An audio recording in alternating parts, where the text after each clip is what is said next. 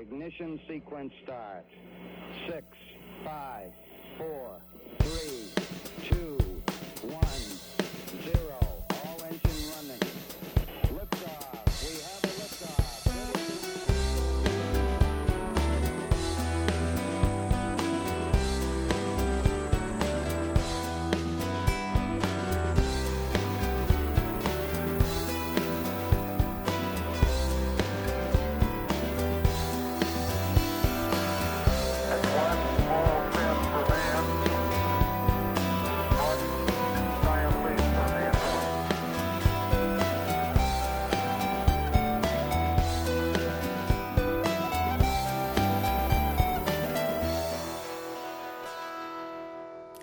Hej och välkomna till februarinumret av Slottspodd som är Slottsskogsobservatoriets poddradiosändning. Idag sänder vi inte från observatoriet utan vi sänder ifrån Naturhistoriska museet. Som är min arbetsplats. Just det. Och den vi hörde där var alltså Gunnar Sporrong Hallå, hallå. och eh, jag heter Emanuel. Hallå, hallå. Våra rubriker idag kommer att vara Blir det äntligen uppskjutning från Kennedy? Norrskenssäsongen drar igång. Rymdens vakuum, ingen match för rädisor. Kan planeter bli varmare än stjärnor? Och Expedition Robinson i rymden. Vi kommer också ha en intervju med Julia Becker som är filosofie doktor i partikelfysik vid Ruhruniversitetet. Och sen som vanligt korta rymdnotiser och månadens stjärnhimmel.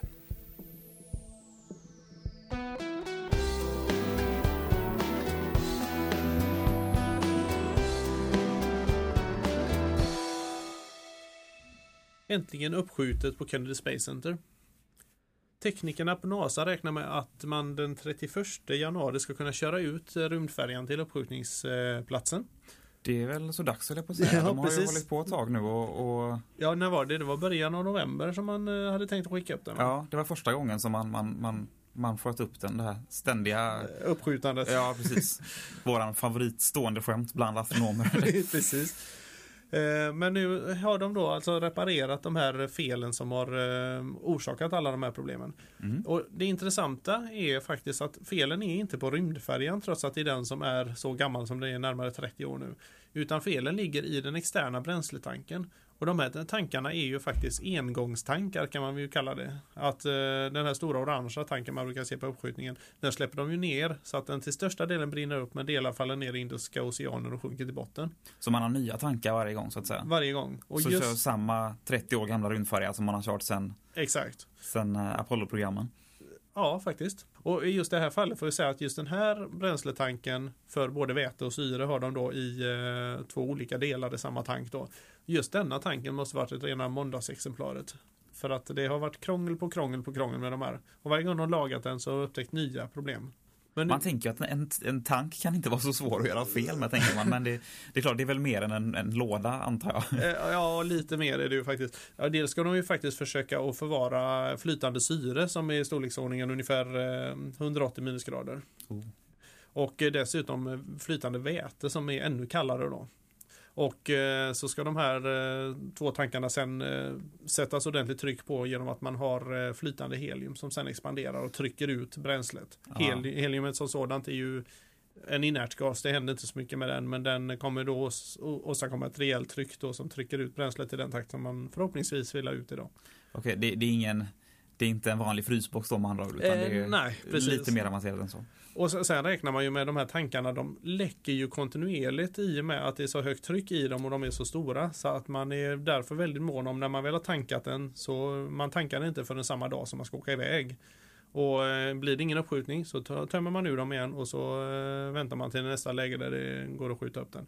För att eh, annars så är det ju en rätt rejäl bomb som de sitter på Mm, astronauterna ja, där. Så att eh, det är lite, ja det är en läskig grej. Ja. Men nu har de i alla fall rättat till de här metallringarna som de, eh, som de då kallar för stringers. eh, Som är en form av förstärkning av den här tanken då. Och eh, nu, nu har de reparerat alla delar som de tror behöver fixas. Och om allt stämmer nu kör de ut den 31 januari som är om några dagar nu när vi spelar in programmet. Okej. Och sen så tänker man sig att kunna skicka upp den den eh, 24 februari. Vilket jag tycker är lite spännande för det innebär ju att den kommer stå där ute på plattan ett bra tag. Vilket jag inte riktigt får ihop. Men det är så det står på NASA just nu. Så att vi får lita Ja, på okej. att de vet vad de gör. Men den ska inte stå tankad där då? Eller? Nej, det ska de inte Nej, göra då. Och sen tar det ju lite tid att köra ut. De kör ju ut den eh, på de här jättelika rullbanden i en hastighet på någon kilometer i timmen. Liksom. Ja, just det. Så det tar väl ett, nästan ett dygn innan de är framme vid uppskjutningsrampen. Då. Ja, ja, det är klart. Lite intressant i sammanhanget är att Tim Copra, som, är, eh, som skulle varit en av piloterna på rymdfärjan, missar chansen för att han har råkat vurpa med cykeln. Det är, nej! det är tragiskt. Sista uppskjutningen med rymdfärjan, eh, just denna färjan, så kommer skjuta upp en rymdfärja till, men där kommer han troligtvis inte, där har han liksom inte utbildat sig för det uppdraget. Nej. Så att han missar chansen och istället så kommer en som heter Steve Bowen att uh, åka upp istället. Och han var med faktiskt på förra flygningen med rymdfärjan i maj förra året. Så han kommer vara första astronauten som flyger två rymdfärjor i rad. Ah, Så att det är ju Ja, det är lite klart. roligt för honom då. ja, Men verkligen. eh, som sagt, det är lite ledsamt att vurpa med cykeln. Ja, och, usch. och det, det har ingen hjälm på sig. eh, vet inte faktiskt, det står inte. Men jag, jag kan tänka mig det räcker med ganska små skador för att man inte ska få skicka Ja, det är klart. Det man vill inte riskera. Nej, hela uppdraget på en person som är... Och sen dessutom så... Nu tar vi paus va? Ja. Jag tror inte det... Det ni hör nu är alltså arbete på Naturhistoriska museet där vi sitter idag. Ja.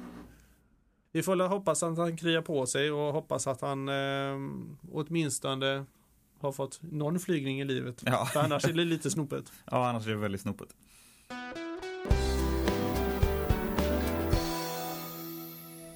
Då ska vi snacka norrsken här, tänkte jag. Mm. Vi har ju haft en, en period nu eh, i solfläckscykeln med väldigt lite solfläckar. Mm. Och det är en cykel som går med 11 år i genomsnitt. Genomsnitt, från precis. varje topp till nästa topp och sådär. Och eh, de här solfläckscykeln påverkar också hur mycket norrsken vi får på jorden. Mm. Och i och med att vi nu går mot eh, mer och mer solfläckar går vi också mot mer och mer norrsken. Ja. Så vi som tycker om att se hur himlen färgas grön som en stor eh, levande Ja. organism nästan på, på himlavalvet som stora gardiner som hänger och slänger. Vi har Mm. några år att se fram emot här. Mm. Och då, man kan fråga sig lite så här, va- varför får man norrsken och sådär liksom? Vi pratar om det här med solfläckscykeln eh, och vi har haft ett ovanligt långt minimum nu som vi har tagit upp tidigare Mm. i programmet. Som fram till alldeles nyss har eh, då växt, vänt om och nu börjar bli mycket solfläckar igen. Mm. 2014 ungefär kommer, kommer det vara som mest aktivitet på solen. Så runt där kommer vi förmodligen ha de kraftigaste norrskenen. Mm. Eller egentligen polarskenen som det heter. Ja, För det är ju inte det- bara i norr utan det är ju eh, Precis, det är lika mycket på södra polen som på norra polen. Ja, precis. Så grejen är att det, det bor inte lika många där bara som kan se det. Nej.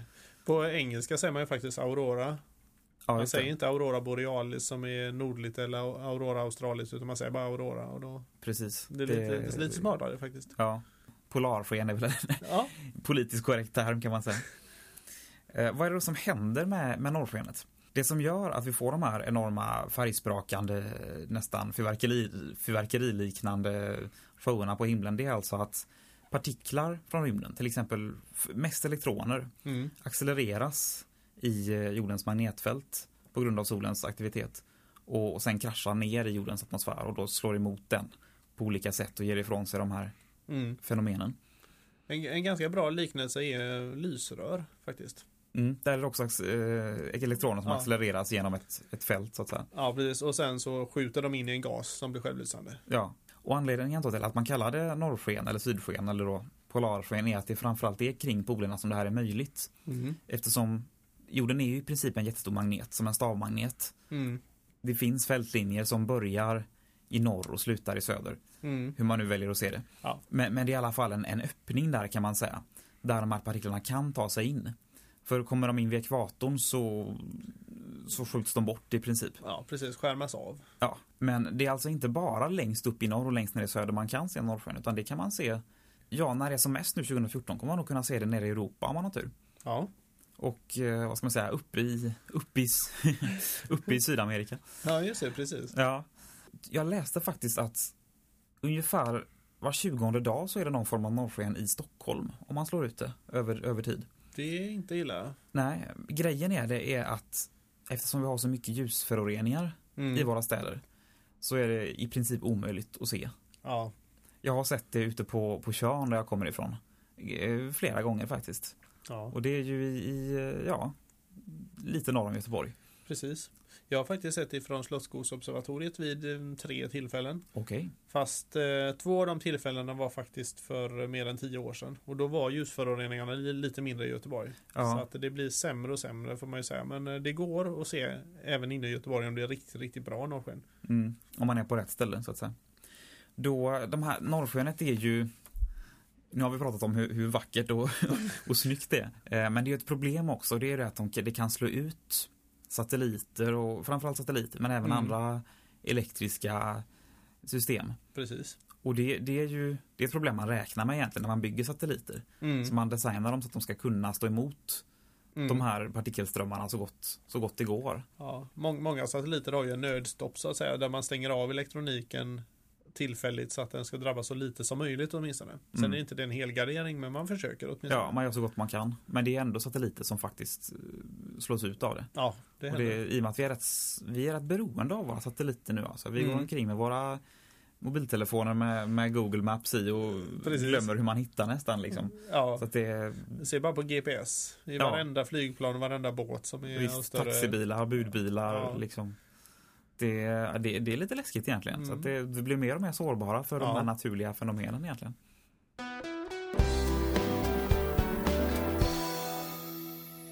Rymdens vakuum, ingen match för rädisor. Tänk dig att du eh, sitter på Marsytan och har anlagt ett fint växthus. Mm. Så kommer- Ja, det händer ju ibland.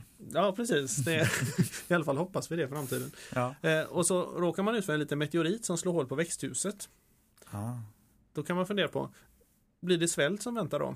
ja, det kan man fråga sig. Om de klarar... eh, Ja, det blir ju nästan vakuum då i, i, eh, Exakt, för de stackars eh, växterna. precis. Och, och det här har ju en forskargrupp faktiskt tagit på fullaste allvar och testat. Om man är snabb, säger Raymond Wheeler på NASA, så finns det faktiskt en chans att man klarar det. Han har nämligen gjort så här att han har planterat bland annat rädisor, sallad och vete och låtit det växa i tre, tre veckor i ett växthus. Det här växthuset är ganska specialbyggt kan man säga för att det är byggt så att man kan pumpa ut all luften ur det. Eh, Så efter tre veckor så pumpar han ur ner till ungefär 1,5 procent av en normal atmosfär vid havsytan. Det Mm. mo- motsvarar ungefär vad man eh, upplever på Marsytan. Mm. Så då lät han det vara så i ungefär eh, 30 minuter. Och sen så släppte man på luften igen. Och eh, kollade hur det gick. Det intressanta var att när de lät de här växterna fortsätta växa i en vecka till. Så tog det bara några timmar innan de hämtade sig. Och sen så kunde de växa eh, i princip obesvärat den följande veckan. Sen gjorde man så efter eh, den här veckan hade gått så skördade man växterna. Det är klart det blev ju ingen skörd på dem då men man i alla fall eh, man kapade ner dem och eh, undersökte dem närmare för att se om, vad, vad som hade hänt med dem. helt Hur de hade klarat den här plötsliga vakuumet då. Precis. Och då är det inte kanske det problem som man hade förväntat sig så som om man tänker sig eh, om man skulle skicka ut en människa i vakuum i rymden så eh, våra celler har ju en tendens att spricka om de utsätts för, eh, för lågt tryck helt enkelt. Ja, det kan man se i James Bond till exempel. I den Absolut, här- absolut den högst vetenskapliga. Ja, ja, precis. Det här är det vi hämtar källan till våra kunskaper. Absolut. Eh, och, men alltså i princip så stämmer det kanske inte riktigt så drastiskt som i James Bond. Men alltså cellerna tål inte eh, det låga trycket utan vatten börjar koka i cellerna och de spricker. Medan växterna är betydligt mer flexibla så att eh, även om det börjar koka inuti så kommer det då avdunsta cellerna töjs ut lite granna och eh, det kokar bort vatten vid rumstemperatur i princip då. Men det påverkar inte så allvarligt som man skulle kunna tro. De har väl fasta cellväggar, växtceller va? Till Ja, skillnad från precis. människoceller som har bara membran som är väldigt eh, Precis. flexibla och töjbara så att säga. Ja, växterna har ju membran också men de är då skyddade av en yttre Ja, cellvägg det. då som är fysiskt håller emot så att den inte exploderar i det här fallet. Mm. Och eh, det enda felet som man upptäckte och det är klart det är allvarligt nog det var ju att de fick vätskebrist i och med att vatten kokade bort eller Ja, det det kokade bort långsamt så det, men det avdunstade ju ganska mycket vätska ifrån de här växterna så de var lite hängiga närmsta eh, timmen efter sådär men eh, Lite ovattnade. Ja, ja exakt. Så, men efter de hade fått lite vatten och kunnat suga upp och återhämta sig så var de i stort sett som nya. Okej. Men hur, alltså jag tänker på, vakuumet är ju ett problem om man nu Mm. skulle tänka sig att man har ett, en stor växthusodling på Mm. Mars då till exempel som en meteorit kommer att slå sönder. Eh, jag, jag tänker på hur blir det med temperaturen? Ja, temperaturen sjunker ju också när du eh, pumpar ut luften men eh, Ja, där får man väl hoppas att det finns så pass mycket. Jag menar, ett växthus på Mars så bygger man det sannolikt med ganska mycket sten och sånt inne i växthuset som kan hålla temperaturen rätt Som länge. strålar ut då antar jag. Ja, precis som liksom äh, återgäldar den värme som den äh, absorberat. Liksom. Jag tänker på när man har köpt blommor till exempel i någon blomsteraffär och så går man till, till bussen och så är de döda när man kommer fram ungefär. Ja, ja precis. Och det, det, det är ett högst rejält problem. Ja. Så, så att det, det gäller ju när man eh, skapar ett sånt växthus att det inte blir för kallt. För det är klart att kommer du ner i minusgrader då är det kört ändå. Liksom. Då spelar det ingen roll eh, om de tål vakuum. Liksom. Minusgraderna i sig. Eh, det, det är ju nämligen ett annat fenomen för när de fryser så blir det iskristaller i och de kan bli ganska vassa så de kan sticka hål på cellväggarna. Och då, då är det kört för plantan. Eh, Mm. Om det inte är en sån planta som tål minusgrader förstås. Mm. Ja, det finns ju en del sådana arter. Ja, precis. Ganska många faktiskt. Okej, men då är vi ett steg närmare en eh, grönsaksodling på Mars då. Absolut. Trevligt.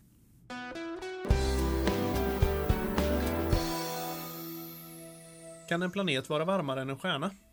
Ja, det kan man fråga sig. Det låter väl lite konstigt tycker jag, i alla fall om det är planetens egen stjärna. Ja, absolut. Och det, det kan man väl i och för sig säga att det är väl inte så sannolikt kanske att den är varmare än sin egen stjärna. Men eh, däremot så har ett projekt som heter SuperWasp, eller snarare Super Wide Angle Search for Planets, upptäckt en planet som är 3200 grader varm. Oh, det är varmt. Det är varmt och det är och då ska man tänka på det att man eh, för er som lyssnar på programmet ett tag så vet ni att vi pratar ju ibland om stjärnor som är ganska svala som är kanske ett par tusen grader, kanske till och med under tusen grader varma på ytan. Att jämföra dem med våran sol som är 5-6 tusen, nästan 6 tusen grader varma. Exakt, exakt. Så, eh, och det är klart, då är ju solen i sig en ganska stark, eh, ganska varm stjärna. Eh, om man tittar på snittet på stjärnorna som eh, vi känner till så är ju solen faktiskt tillhör den ju de större stjärntyperna. Så de allra flesta stjärnor faktiskt är i storleksordningen som den här planeten eller ännu svalare då. Jaha, okej. Och det är lite kul. Vad de nu hittat den här planeten som heter eh, WASP 33b ligger runt en stjärna som, eh, som man kallar för WASP 33 då förstås. Är det den 33 stjärnan som det här WASP-instrumentet har hittat då kanske? Ja, eller snarare 33 stjärnan med planet. Ja, okej. som. WASP ja, instrumentet har hittat. Eh, Den här planeten är inte så himla stor. Den väger ungefär fyra gånger så mycket som Jupiter gör. Vilket gör Mm. det att det, det, Det är ju ändå ganska stort får man ju säga. det är ganska stort i förhållande till oss. Men om vi räknar med alla planeter som man hittat hittills så är det ändå liksom medelmåttig planet. Ja, liksom, sådär. man har hittat på sådana som är upp mot 15 gånger större än Jupiter och sådär. Ja, till och med ännu större tror jag. Ja. Så, att, eh, så, så, så sätt så är det en ganska medelmåttig planet. Men ehm, med tanke och, och, och i och för sig, den blir ju faktiskt ganska varm då tack vare att den ligger väldigt nära sin eh, stjärna. Och den här råkar ligga en femtondel så långt bort från sin stjärna som Merkurius gör från solen, det vill säga mycket, mycket nära. En 15, det är ju, det är ju, då är den ju nästan ute och, och tuggar i, i, Ja, precis. ute i kanten av solen, jag på att säga, i. Eh, Ja, nästan. Och eh, för en jämförelse kan man säga att ett varv runt stjärnan tar 29,5 timme. Så det går rätt fort. Så det, så det är alltså, den ligger riktigt nära, det gör den. Men inte tillräckligt nära för att förklara att den är så varm. Nej. Stjärnan i fråga är ungefär 7160 grader varm, det vill säga den är bra mycket varmare än solen. Men fortfarande inte tillräckligt för att värma upp den här planeten. Så i dagsläget kan man säga att det återstår att se vad det är som gör det här. Men sannolikt har det att göra med att den här stjärnan och planeten är ganska nybildade bägge två. Och att planeten fortfarande har lite överskottsvärme sedan den föddes men inte tillräckligt för att tändas som stjärna då. Nej, den har någon form av in, intern kraftkälla så att säga då som bidrar med att den är... Ja, antingen det eller att den åtminstone har energi kvar för sen den bildades. För när, när planeter och ja, överhuvudtaget himlakroppar drar ihop sig genom gravitation så blir, ökar temperaturen för att trycket ökar. Mm, det är Så- lägesenergin egentligen som Lä- övergår ja. till, till Exakt. värmeenergi. Precis. Och, så, så det kan räcka med det. Men sen är det ofta så stora gasplaneter har ju faktiskt relativt mycket av eh, tungt väte i sig. Och det, det räcker inte för att tända en seriös kärnreaktion som pågår under lång tid. Men så länge det finns tungt väte kvar och eh, kanske till och med tritium, eh, supertungt väte då. Så eh, kan den uppehålla någon form av kärnreaktion under en period som går över efter ett tag. Eller? De, de, de kan gå i cykler så att de faller ihop och så startar någon form av reaktion Ja. som drar isär den och så avstannar den och så drar den ihop sig. Ja, li- Lite li- som ett hjärta kan man säga. Det var, det var fint sagt. det, annars skulle jag tänkt jämfört det med variabelstjärna. Ja, Så- det, så, det var väl eh, också fint. ja, precis. Ja, så, att, eh, så, så det kan ju vara så att den har någon form av inre energikälla i dagsläget då, som Mm. värmer upp den. Men som sagt, det är svårt att bevisa det på eh, det avståndet som vi har till de flesta stjärnor. Ja. Men det är väldigt varmt alltså. För om man Ja. tänker på den varmaste planeten i vårt solsystem, Venus, Ja, så är väl den 400-500 grader varm. ja, precis. Och det här är ju extremt mycket mer. Ja. Och, då, och då är den så varm för att den har en, en eh, tjock atmosfär med växthuseffekt att säga. Så att Ja. Merkurius som ligger närmare solen är ungefär 100 grader kallare. Ja, precis. Och, och i det här fallet räknar man på det rent, och det är ju det de har gjort här då, så konstaterar de ju det att när atmosfären blir så varm som den är i det här fallet så strålar den ut så mycket energi så att den kan inte uppehålla den här temperaturen om det bara hade varit en yttre värmekälla då. För att eh, värmer man upp en gas så ökar ju strålningen från gasen utåt också så energin försvinner. Så att eh, det är hela tiden en balans mellan hur mycket värme den tar in och hur mycket värme den tar ut och det borde stabilisera sig en bra bit under där den är nu då. Men är det inte så med några planeter i, i vårt solsystem också, fast in, inte lika extremt? Jupiter Jo, till exempel och, och, och Neptunus Ja, strålar väl ut mer värme än vad de tar exakt. emot från solen? Och det, och det är ju också sådär, det- där får man ju också fundera lite grann på vad är det som gör att de kan göra detta. I Neptunus fall till exempel så kanske den har käkat upp en släkting till Pluto. Som alltså sugit åt sig en eh, annan himlakropp. Där återigen läggs energin. När den faller in mot mitten. Ja, precis. Den kanske sig. ligger någonstans där ute i, mellan mitten och, och ytan och liksom blubbar ner och sådär. Eh, Ja, det, det, det kanske inte riktigt så men alltså den är lite mer utsmetad kan man Ja, säga. ja, så men alltså, men den eh, alltså sakta sjunker neråt och det blir motstånd och friktion och så blir det värme och överskottsvärmen driver på eh, processer i molnen att vi får vindar och Ja, ja precis. För det är ju väldigt, Neptunus är ju en sån väldigt eh, aktiv planet i, Ja. i just atmosfären. Det är ju moln och vindar, väldigt starka vindar och, och mycket Precis. sånt som händer där. Så det är ju någonting uppenbarligen. Ja, speciellt eftersom man kan jämföra dem med uranet som är ungefär lika stor. Och som ligger innanför dessutom, som Ja. inte alls har den aktiviteten och inte strålar ut så mycket värme. Nej, just det. Nej, det, Neptunus är spännande alltså. Det är en av mina favoritplaneter måste jag säga. Ja, och, och så har den sådana månar som Triton. Bara ja, det. Ja, precis. Infångade eh, säkert också en släkting till Pluto. Ja. Det kan ju också vara eh, radioaktiv, någon slags radioaktiv källa inuti planeten. Alltså Skulle det kunna vara också. atomer som, som, som delas och skickar ut Mm. någon form av energi. Men det, Ja, det så långt har vi inte kommit än riktigt. Nej, det är ju svårt att testa det för det är svårt att skicka ner något som ska analysera och skicka upp signaler igen liksom. Ja, ja det är ju det där med att ta sig upp igen. Det är ju det som är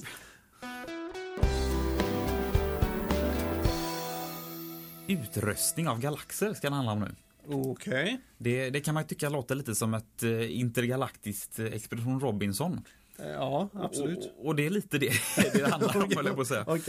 Eh, Det är nämligen så att om vi jämför med vårt solsystem så, så får inte Pluto vara med längre och kallas planet. Nej, just det. Den är ju, det är inte så att den har, vi har slängt ut den ur solsystemet men vi kallar den för en dvärgplanet numera och inte en Mm. planet. Så vi har bara åtta planeter.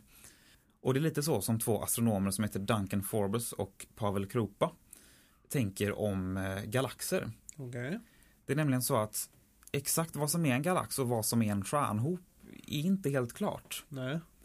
Och därför så gick de den 20 januari ut med dels en vetenskaplig artikel om det Mm. och dels ett pressmeddelande om att de förespråkar en, en, en omröstning. Helt enkelt. Ja. Bland astronomer på samma sätt som man gjorde med Pluto. Mm. För vilka galaxer man egentligen ska få kalla för galaxer Okej. och vilka som är stjärnhopar. Och precis då som med, med Pluto och planeterna så är det, det har inte bara med storlek att göra. Nej. Det, det är inte bara storleken som har betydelse så att säga utan det är även eh, i Plutos fall så är det ju att den, den har en väldigt ocirkulär bana och den ligger Mm. i ett annat plan och sådär. Ja, som det. bidrog till att den, den inte fick vara planet. En helhetsbild snarare än eh, detaljerna. Ja, precis. Och vad gäller galaxer så pratar man framförallt om det här med den mörka materian. Mm.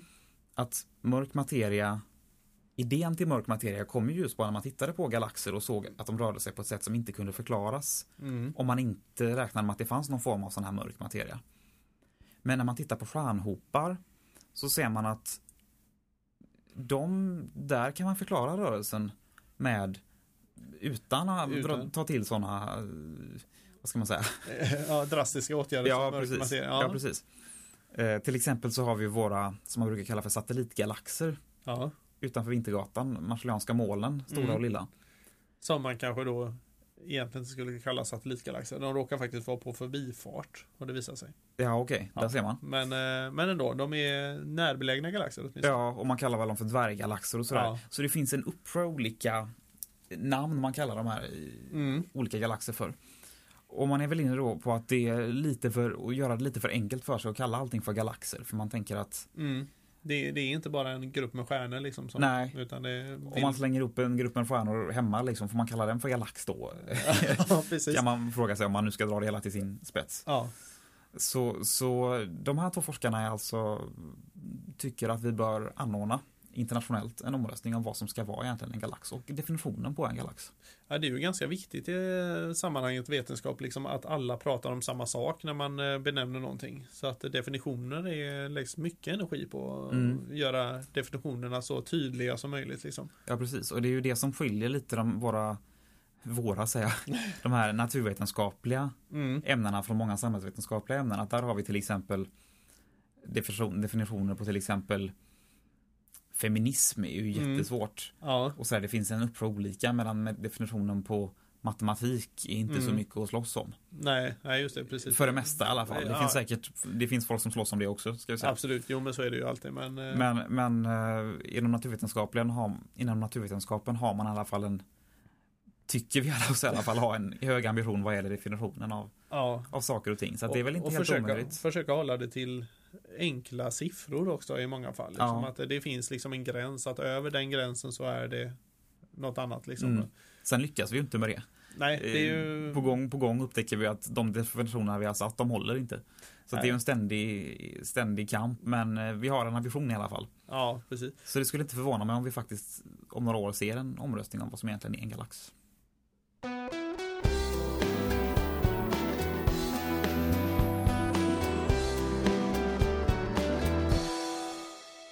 Jag sitter här idag med Julia Bäcker som jobbar på IceCube. Projektet som vi nämnde i förra numret av Slottspodd. Och det här är världens största neutrinodetektor. För den som är oinvigd så kan man ju fundera då lite på, eh, det låter kanske lite udda med IceCube. Ja, det låter kanske udda men eh, Ice Cube är faktiskt en iskub. Så Mm. um, projektet finns vid den geografiska sydpolen. Där um, um, finns det tre kilometer tjock is. Mm. Och vi gräver faktiskt ner våran detektor i isen. Så att um, vi mäter i en kubikkilometer st- stor eh, isbit. Mm. Så att eh, ja, våran detektor är en jättestor iskub. Okej. säga. Vi pratar ju om neutriner. Vad är neutrino egentligen för något? Ja, en eh, neutrino är en um, neutral partikel. Mm. Så den har ingen laddning. Den har nästan ingen massa. Så eh, den går, det är därför att den går igenom allt. Så, Mm. Och växelverkar nästan inte alls. Det är faktiskt så att eh, det finns många neutriner, neutriner här i universum. Mm. Eh, och det är flera miljarder neutriner som går, våran, som går genom din och min tumme just nu. Mm. Det bara märks inte för att de, de gör ingenting. Nej. Att säga. Eh, och neutrinon behövdes på 30-talet för att man ville förklara eh, eh, hur radioaktivitet fungerar. Mm. Och man, man saknade alltid lite energi där i den här pro- processen. Just Som fysiker så eh, är nästan mest heligt är eh, att energin ska vara bevarad i en Mm. process. Och det, då saknades lite energi och då var det Wolfgang Pauli som eh, tyckte jo men då ska jag postulera en partikel och det var just neutrinon. Mm. Um, och på 50-talet så lyckades man första gången att detektera en neutrino. Ja, ja.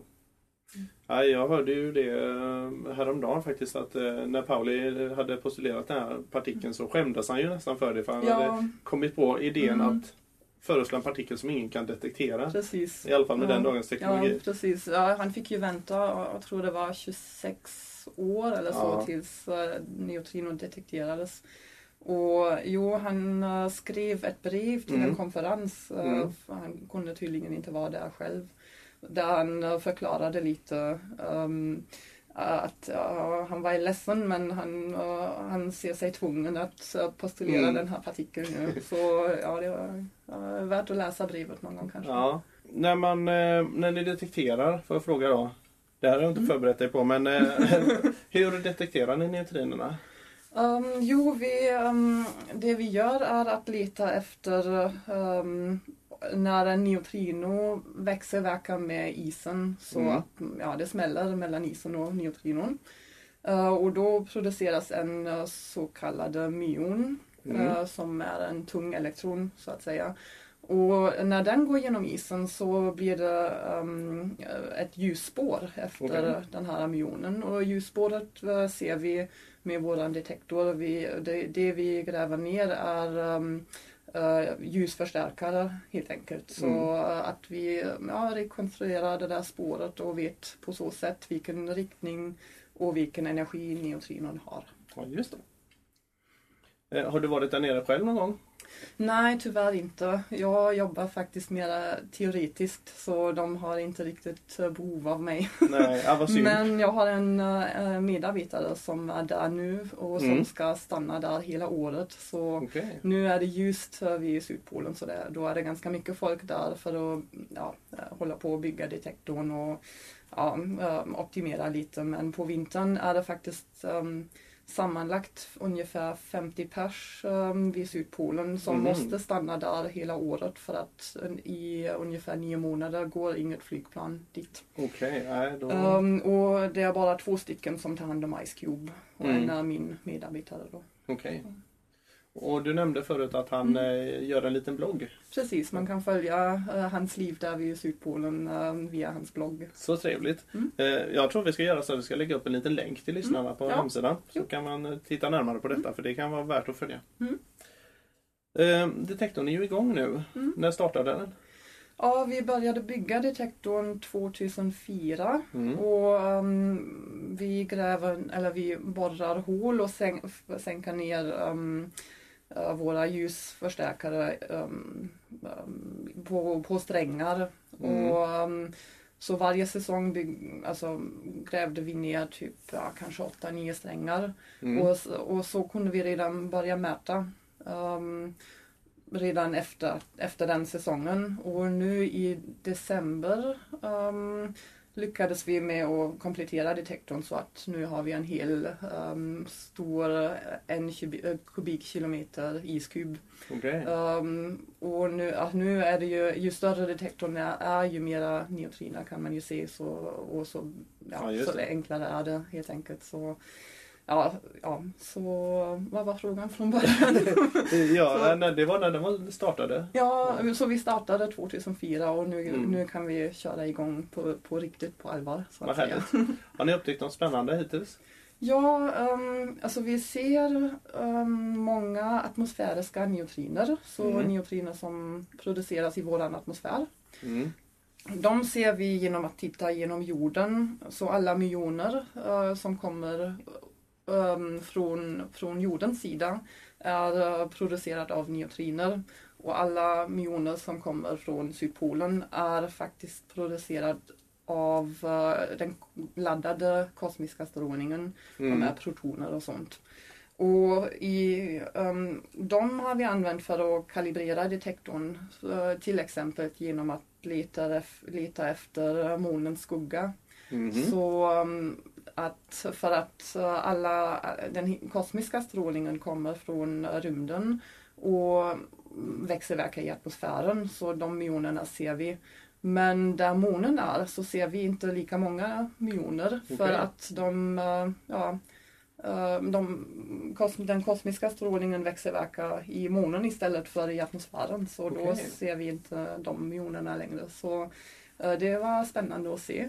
Mm. Och sen så har vi också sett eh, att eh, den kosmiska strålningen är inte eh, så isotrop som man trodde. I, det betyder egentligen så ehm, har man hittills sett att det kommer lika mycket kosmisk Mm. strålning från varje håll. Men med Ice Cube kunde vi redan se att ja, det finns lite mera ehm, kosmisk strålning på en sida av eh, hemisfären än på andra sidan. Okej. Så det var spännande. Det är lite intressant Mm, faktiskt. ja.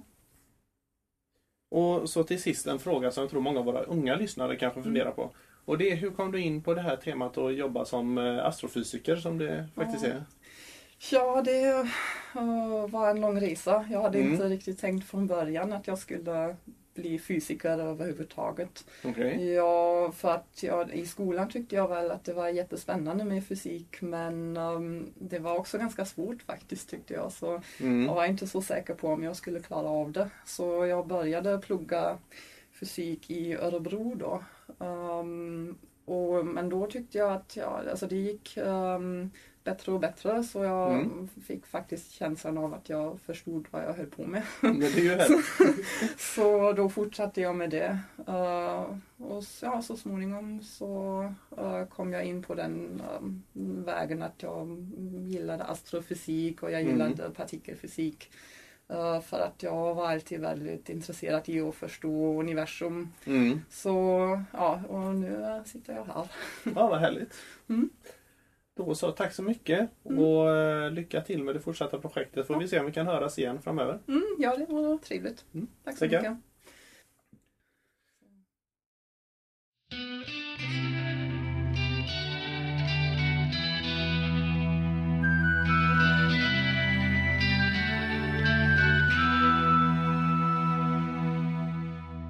De sista månaderna så har det hänt väldigt mycket inom forskningen kring Saturnus.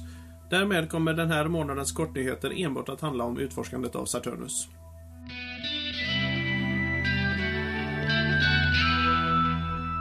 Cassini utforskar Saturnus polarsken. Som första sond i sitt slag bortom jorden så utforskar Cassini-sonden polarskenen på Saturnus i radiovåglängder. Genom att färdas rakt igenom polarskenen så har Dr. Laurent Lamy kunnat presentera nya data på European Planetary Science Congress i Rom. Cassini studerade de här norrskenen på ett avstånd av ungefär 247 miljoner kilometer. Eller rättare sagt på ett avstånd som motsvarar ungefär två Saturnus diametrar. Norrskenen i radiovåglängder har klara likheter med de ultravioletta norrsken som observeras med Hubble-teleskopet då och då.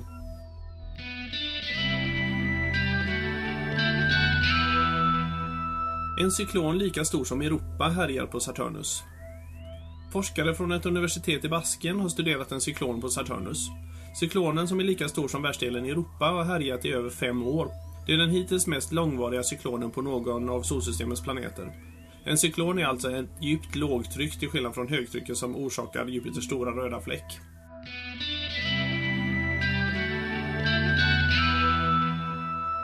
Plasmaexplosioner blåser upp Saturnus magnetfält. Genom att mäta ojämnheter i Saturnus magnetfält så har forskare under ett flertal år försökt att mäta Saturnus rotationshastighet. Då den inte har några tydliga ytformationer så är det ganska svårt att bedöma hastigheten som Saturnus roterar med. Metoden att använda magnetfältet är däremot lättare sagt än gjord. Det är nämligen så att eh, det finns oregelbundenheter som kommer och går. Och inte förrän helt nyligen har man funnit en sannolik förklaring. Vi anar att det finns en koppling mellan en kall plasmaström från månen Enceladus som via centrifugalkraften bryts i stycken och de plötsliga urladdningarna ökar trycket i magnetfältet, berättar Tom Kringis från Applied Physics Laboratory från Vetenskapsakademin i Aten.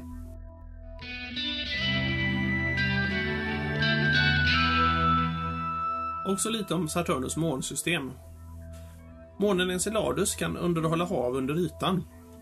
Enceladus borde inte vara en av de mest lovande ställena i solsystemet att hitta liv på, utan borde egentligen vara totalt genomfrusen efter en lång tid utan extern energi. Andra ställen i solsystemet där vatten finns är till exempel Mars som har en diameter på 6300 km eller månen Europa runt Jupiter som har en diameter på 3000 km. Men lilla Enceladus med sina ringa 750 km borde vara genomfrusen vid det här laget. Men nya forskarrön pekar på att Enceladus omloppsbana runt Saturnus är tillräckligt elliptisk, alltså tillräckligt avlång för att kunna hålla dem varma genom tidvatteneffekter och intern friktion.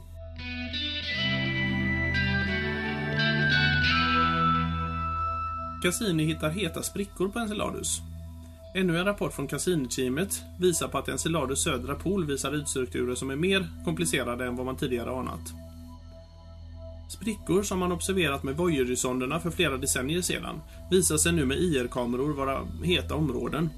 Flera av de här förkastningarna som man sett runt södra polen har visat sig vara så heta att de spyr ut iskristaller från isvulkaner.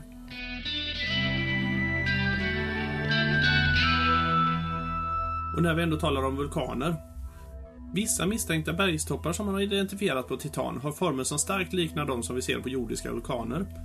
I området Sotra Fakula så har man hittat flera olika vulkaner, bland annat en som är väldigt lik vulkanen Etna i Italien och en som är byggd som vulkanen Laki på Island.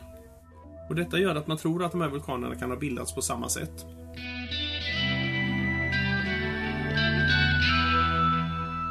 Nya Cassini-bilder påvisar tektonisk aktivitet på Rea.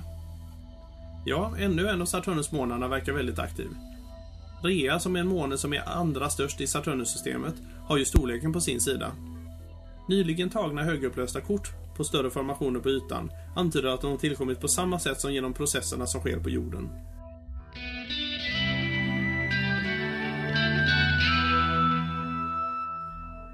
Så till ringsystemet. Cassini studerar vågrörelser i Saturnus ringar. Nu anar forskare att de hittar förklaringen till en av de mest dynamiska delarna i Saturnus ringsystem. Förklaringen som publicerats i Astrophysical Journals nätutgåva visar på att samma processer som man tror orsakar spiralstrukturen i spiralgalaxer faktiskt även förekommer i ringarna på Saturnus. Även om man aldrig kunnat studera effekten i realtid så tror man sig nu ha hittat direkt bevis för självinduktion. Partiklar i täta regioner kan genom sin slumpvisa rörelse skapa stabila störningar som är självuppehållande. Och nu har man i ytterkanterna av B-ringen hittat fenomen som stämmer väl överens med teorin. I just den här delen av ringen är den både tät och tunn, vilket krävs för att den självinducerande vågen inte ska störa ut sig själv.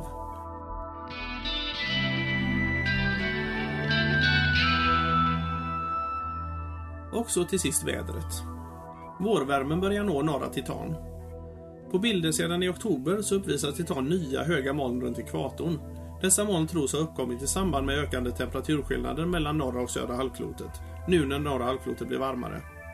Om du tycker det är lite sent att rapportera vädret tre månader senare så gör det inte så mycket faktiskt för att Titan har en ungefär sju år lång vår. Så att eh, några månader till eller från gör inte så stor skillnad på vädret.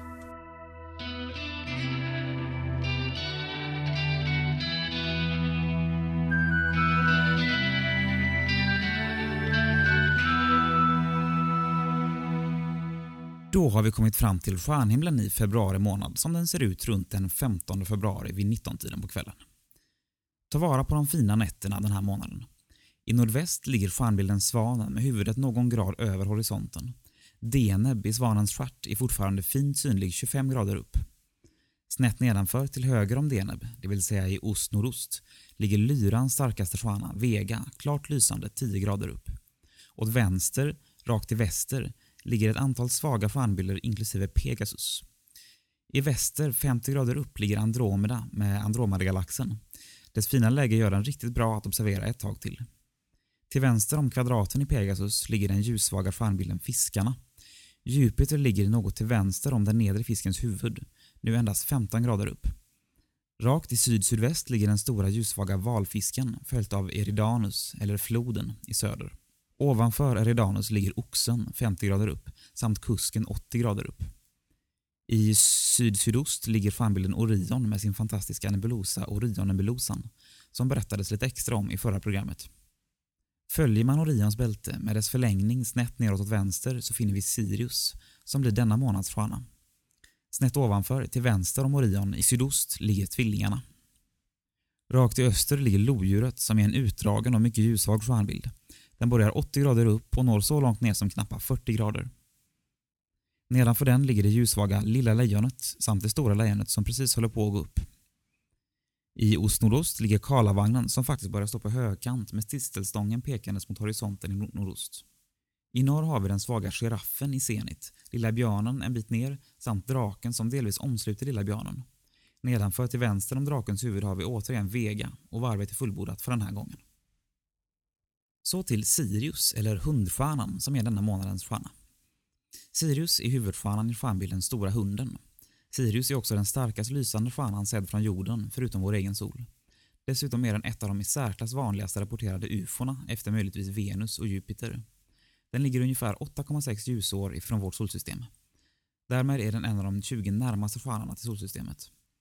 Friedrich Wilhelm Bessel upptäckte 1841 Sirius skenbara vaggande rörelse och bestämde sig för att Sirius måste ha en följeslagare. Denna följeslagare upptäcktes sedan av Alvin Graham Clark år 1862.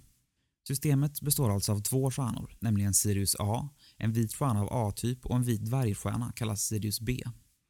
Avståndet mellan de båda varierar avsevärt, mellan 8,1 och 31,5 astronomiska enheter. Man räknar med att huvudstjärnan, Sirius A, är ungefär dubbelt så massiv som vår egen sol och ungefär 25 gånger så ljusstark. Systemet är mellan 200 och 300 miljoner år gammalt jämfört med vårt eget solsystems 5 miljarder års ålder. Man räknar med att den största av de båda stjärnorna från början var blåare och hetare än den återstående. Den större av dem svällde upp till en röd jätte snabbare i och med den snabbare energiförbrukningen. Efter extrem solvind som spytt ut mycket av massan kollapsade den till en vit dvärg för 120 miljoner år sedan. Så lite om vårt eget solsystem i januari. Vi börjar som vanligt med månfaserna. Nymånen infaller den 3 februari klockan 03.33. Månen är i första kvarteret den 11 februari klockan 08.20. Den är full den 18 februari klockan 09.37 och i sista kvarteret den 25 februari klockan 00.28. Så till planeterna. Merkurius går tyvärr inte att se alls under månaden. Venus går i början av februari upp vid 05.40 och i slutet runt klockan 6 samtidigt som solen går upp allt tidigare. Den kommer nog försvinna mer och mer i morgondiset. Mars är inte heller synlig under perioden. Jupiter däremot ligger i sydväst i början av februari vid solnedgången och kommer att ligga i sydsydväst vid solnedgången i slutet av månaden och då bara gå och observera någon timme. Saturnus går upp klockan 23 på kvällen i början av februari för att i slutet av månaden gå upp strax efter 21. Uranus ligger fortsatt nära Jupiter, men dessvärre ligger den närmare horisonten än Jupiter och kommer därmed försvinna snabbare in i diset. Avståndet är nu nära 4 grader till höger och nedanför Jupiter. Och så några andra astronomiska händelser den här månaden. Den 3 februari infaller det kinesiska nyåret. Den 3 februari är det också 45 år sedan Luna 9 landade på månen. Den 4 februari är det Clyde Tombauls 105 födelsedag. Tombaugh är känd för sin upptäckt av Pluto, den första plutoiden, 1930. Den 10 februari hamnar asteroiden Nysa i opposition med en magnitud på 8,9. 14 februari kommer NASAs Stardust att köra förbi kometen Tempel 1. Den 18 februari kör Cassini förbi Saturnusmånen Titan. Den 20 februari är det 25 år sedan rymdstationen Mir började byggas i omloppsbana. Den 22 februari är det 55 år sedan Kosmos 110 med hundarna Veterok och Ögliok. Och den 24 februari ska äntligen STS-133, det vill säga rymdfärjan Discovery, upp till internationella rymdstationen. Vad händer då här på observatoriet den här månaden? Jo, vi kommer att ha stjärnhimmelsvisningar på måndagar och onsdagar klockan 19 till 20 hela månaden. Dessutom kommer Göteborgs astronomiska klubb ha föredrag söndagen den 20 februari klockan 14.00. Filosofie doktor Björn Davidsson från Uppsala universitet berättar då om gåtfulla budbärare från forntiden. Vad kan kometer lära oss om solsystemets uppkomst? Missa inte heller att anmäla er till Värmland Star Party som går av stapeln tidigt i mars. Om du inte fått din inbjudan via din lokala förening så kan du kontakta dem eller sök på Värmland Star Party på internet. Det går nu att boka visningar även på torsdagar, så passa på medan det finns platser kvar. Mer information och stjärnkartor till detta program finns på vår hemsida, Slottsskogsobservatoriet med 2s.se. Maila oss gärna med frågor om astronomi. Med det vill vi önska klara skyar från oss på Slottsskogsobservatoriet.